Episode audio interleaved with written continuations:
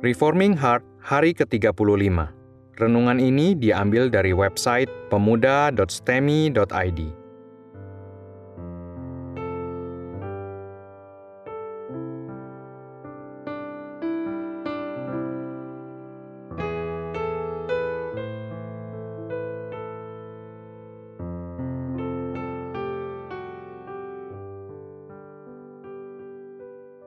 Tema renungan hari ini adalah Daud dan Abigail. Mari kita membaca Alkitab dari 1 Samuel pasal 25 ayat 1 sampai 44. Demikian bunyi firman Tuhan. Kematian Samuel.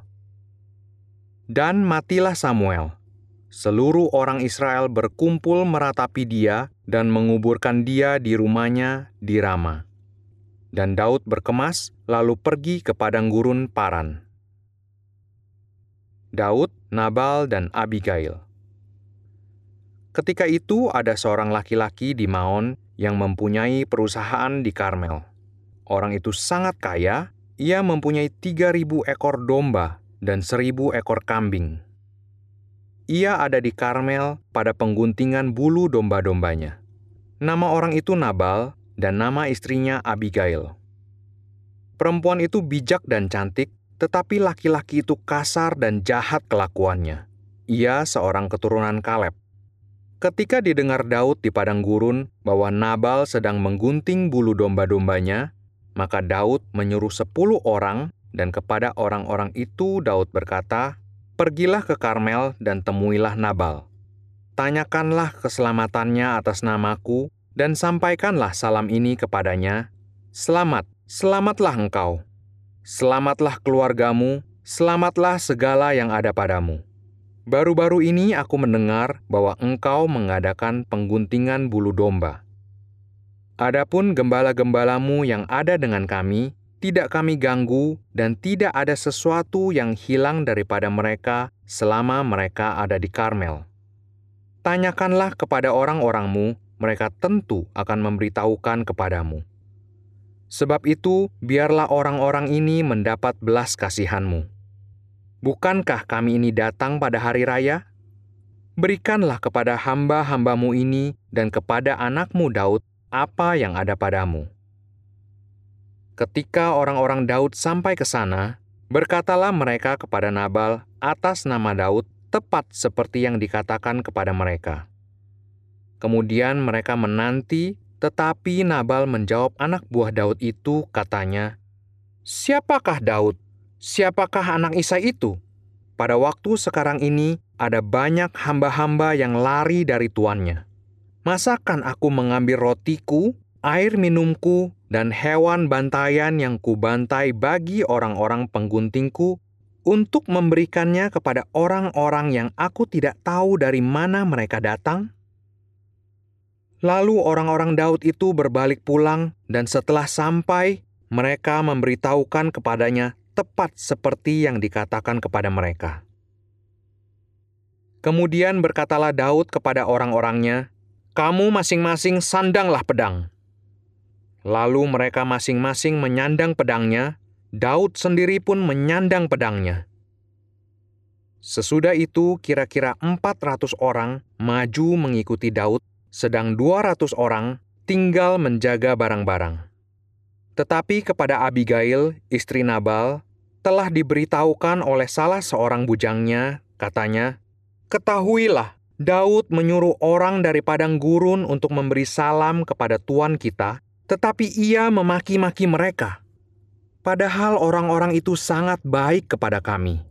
Mereka tidak mengganggu kami, dan kami tidak kehilangan apa-apa selama kami lalu lalang di dekat mereka ketika kami ada di ladang.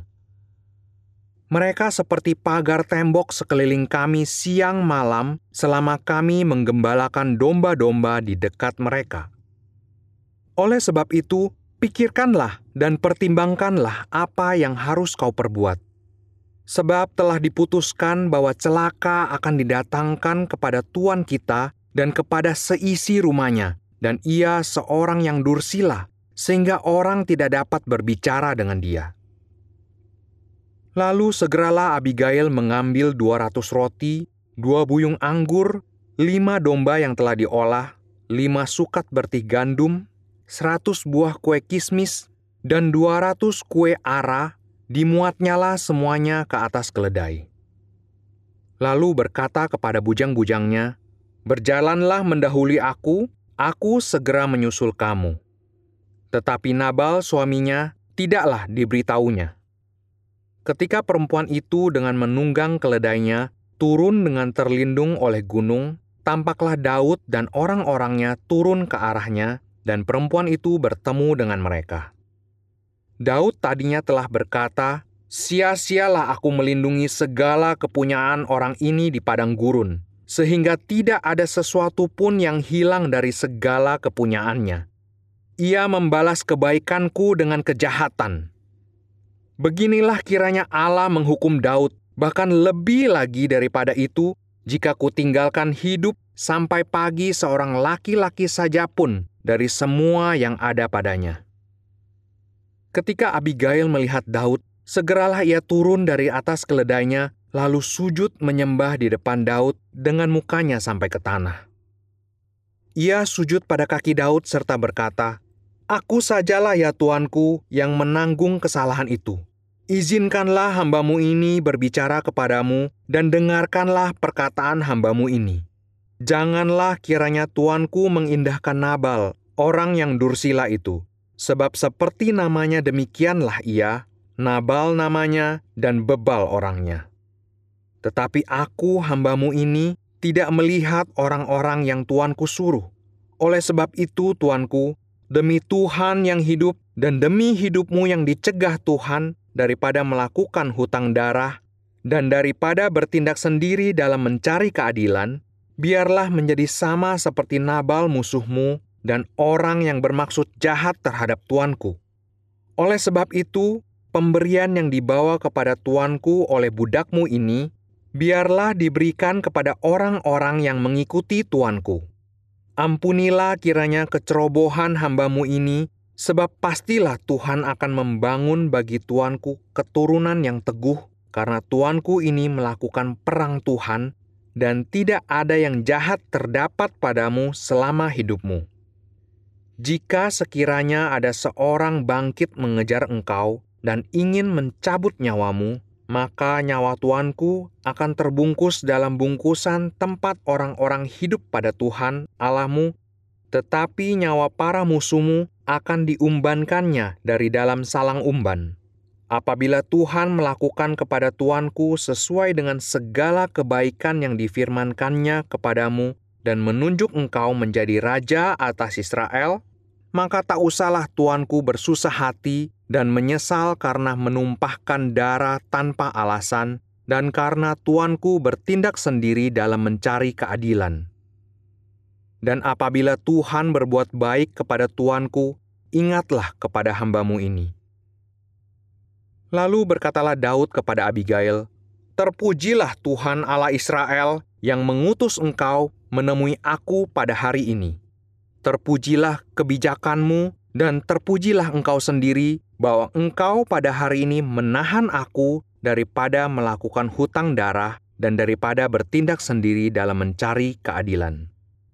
Tetapi demi Tuhan Allah Israel yang hidup, yang mencegah aku daripada berbuat jahat kepadamu, jika engkau tadinya tidak segera datang menemui aku, pasti tidak akan ada seorang laki-laki pun tinggal hidup pada Nabal sampai fajar menyingsing. Lalu Daud menerima dari perempuan itu apa yang dibawanya untuk dia dan berkata kepadanya, "Pulanglah dengan selamat ke rumahmu. Lihatlah, aku mendengarkan perkataanmu dan menerima permintaanmu dengan baik. Sampailah Abigail kepada Nabal dan tampaklah Nabal mengadakan perjamuan di rumahnya seperti perjamuan raja-raja. Nabal riang gembira dan mabuk sekali. Sebab itu tidaklah diceritakan perempuan itu sepatah kata pun kepadanya sampai fajar menyingsing. Tetapi pada waktu pagi, ketika sudah hilang mabuk Nabal itu, Diceritakanlah kepadanya oleh istrinya segala perkara itu. Lalu terhentilah jantungnya dalam dada dan ia membatu. Dan kira-kira sepuluh hari sesudah itu Tuhan memukul Nabal sehingga ia mati. Ketika didengar Daud bahwa Nabal telah mati, berkatalah ia, Terpujilah Tuhan yang membela aku dalam perkara penghinaan Nabal terhadap aku dan yang mencegah hambanya daripada berbuat jahat. Tuhan telah membalikan kejahatan Nabal ke atas kepalanya sendiri. Kemudian Daud menyuruh orang untuk berbicara dengan Abigail tentang mengambil dia menjadi istrinya. Para hamba Daud datang kepada Abigail di Karmel dan berkata kepadanya demikian. Daud menyuruh kami kepadamu untuk mengambil engkau menjadi istrinya. Lalu bangkitlah perempuan itu berdiri, sujudlah ia menyembah dengan mukanya ke tanah sambil berkata, Sesungguhnya hambamu ini ingin menjadi budak yang membasuh kaki para hamba tuanku itu. Kemudian berkemaslah Abigail dengan segera, ia menunggang keledainya dengan diiringi lima orang pelayan perempuan ia mengikuti suruhan Daud itu dan menjadi istri Daud. Juga Ahinoam dari Yisrael telah diambil Daud menjadi istrinya, kedua perempuan itu menjadi istrinya. Tetapi Saul telah memberi Mikal anaknya perempuan, istri Daud, kepada Palti bin Lais yang dari Galim itu. Mari kita merenungkan ayat 1 memberitahukan kematian Samuel dengan cara yang sangat singkat. Dia mati dan semua orang menangisi dia. Tidak ada pembahasan yang lebih panjang. Tidak ada lagu yang dinyanyikan karena Samuel telah mati. Tidak ada juga orang yang membuat puisi karena kematian Samuel. Dia seperti terlupakan di dalam kisah kitab Samuel ini. Mengapa demikian? karena penulis kitab ini tidak ingin fokus pembahasannya beralih ke orang lain. Bahkan kematian Samuel pun tidak boleh membuat perhatian pembaca beralih dari Daud. Tetapi kematian Samuel memberikan pengaruh sangat besar bagi Daud. Setelah kematian Samuel, harapan untuk Daud diperdamaikan dengan Saul akan menjadi semakin kecil. Itulah sebabnya setelah Samuel mati, Daud berpindah tempat ke padang gurun Paran. Kisah kita berlanjut dengan keluarga seorang bernama Nabal. Ayat 3 mengatakan kalau Nabal adalah seorang yang kasar dan jahat tingkah lakunya. Tetapi ayat 3 juga menjelaskan bahwa istrinya bijak dan cantik. Ayat 4 dan 5 mengisahkan bahwa Nabal sedang mengadakan pengguntingan bulu domba. Ayat 10 mencatat Nabal menghina Daud setelah Daud memohon roti bagi tentara-tentaranya. Nabal menolak mereka sehingga Daud begitu marah. Ayat 13 dan 22 mengatakan bahwa Daud beserta dengan 400 orang bersiap-siap untuk membunuh Nabal dan semua laki-laki di seisi rumah Nabal. Selain membaca bagian untuk hari ini, Mari kita lihat juga satu Raja-Raja pasal 2 ayat 8 sampai 9. Pada bagian ini dan ayat-ayat sebelumnya berbicara tentang Daud memberikan tugas kepada Salomo untuk menghukum beberapa orang. Mengapa tunggu sampai Salomo yang hukum?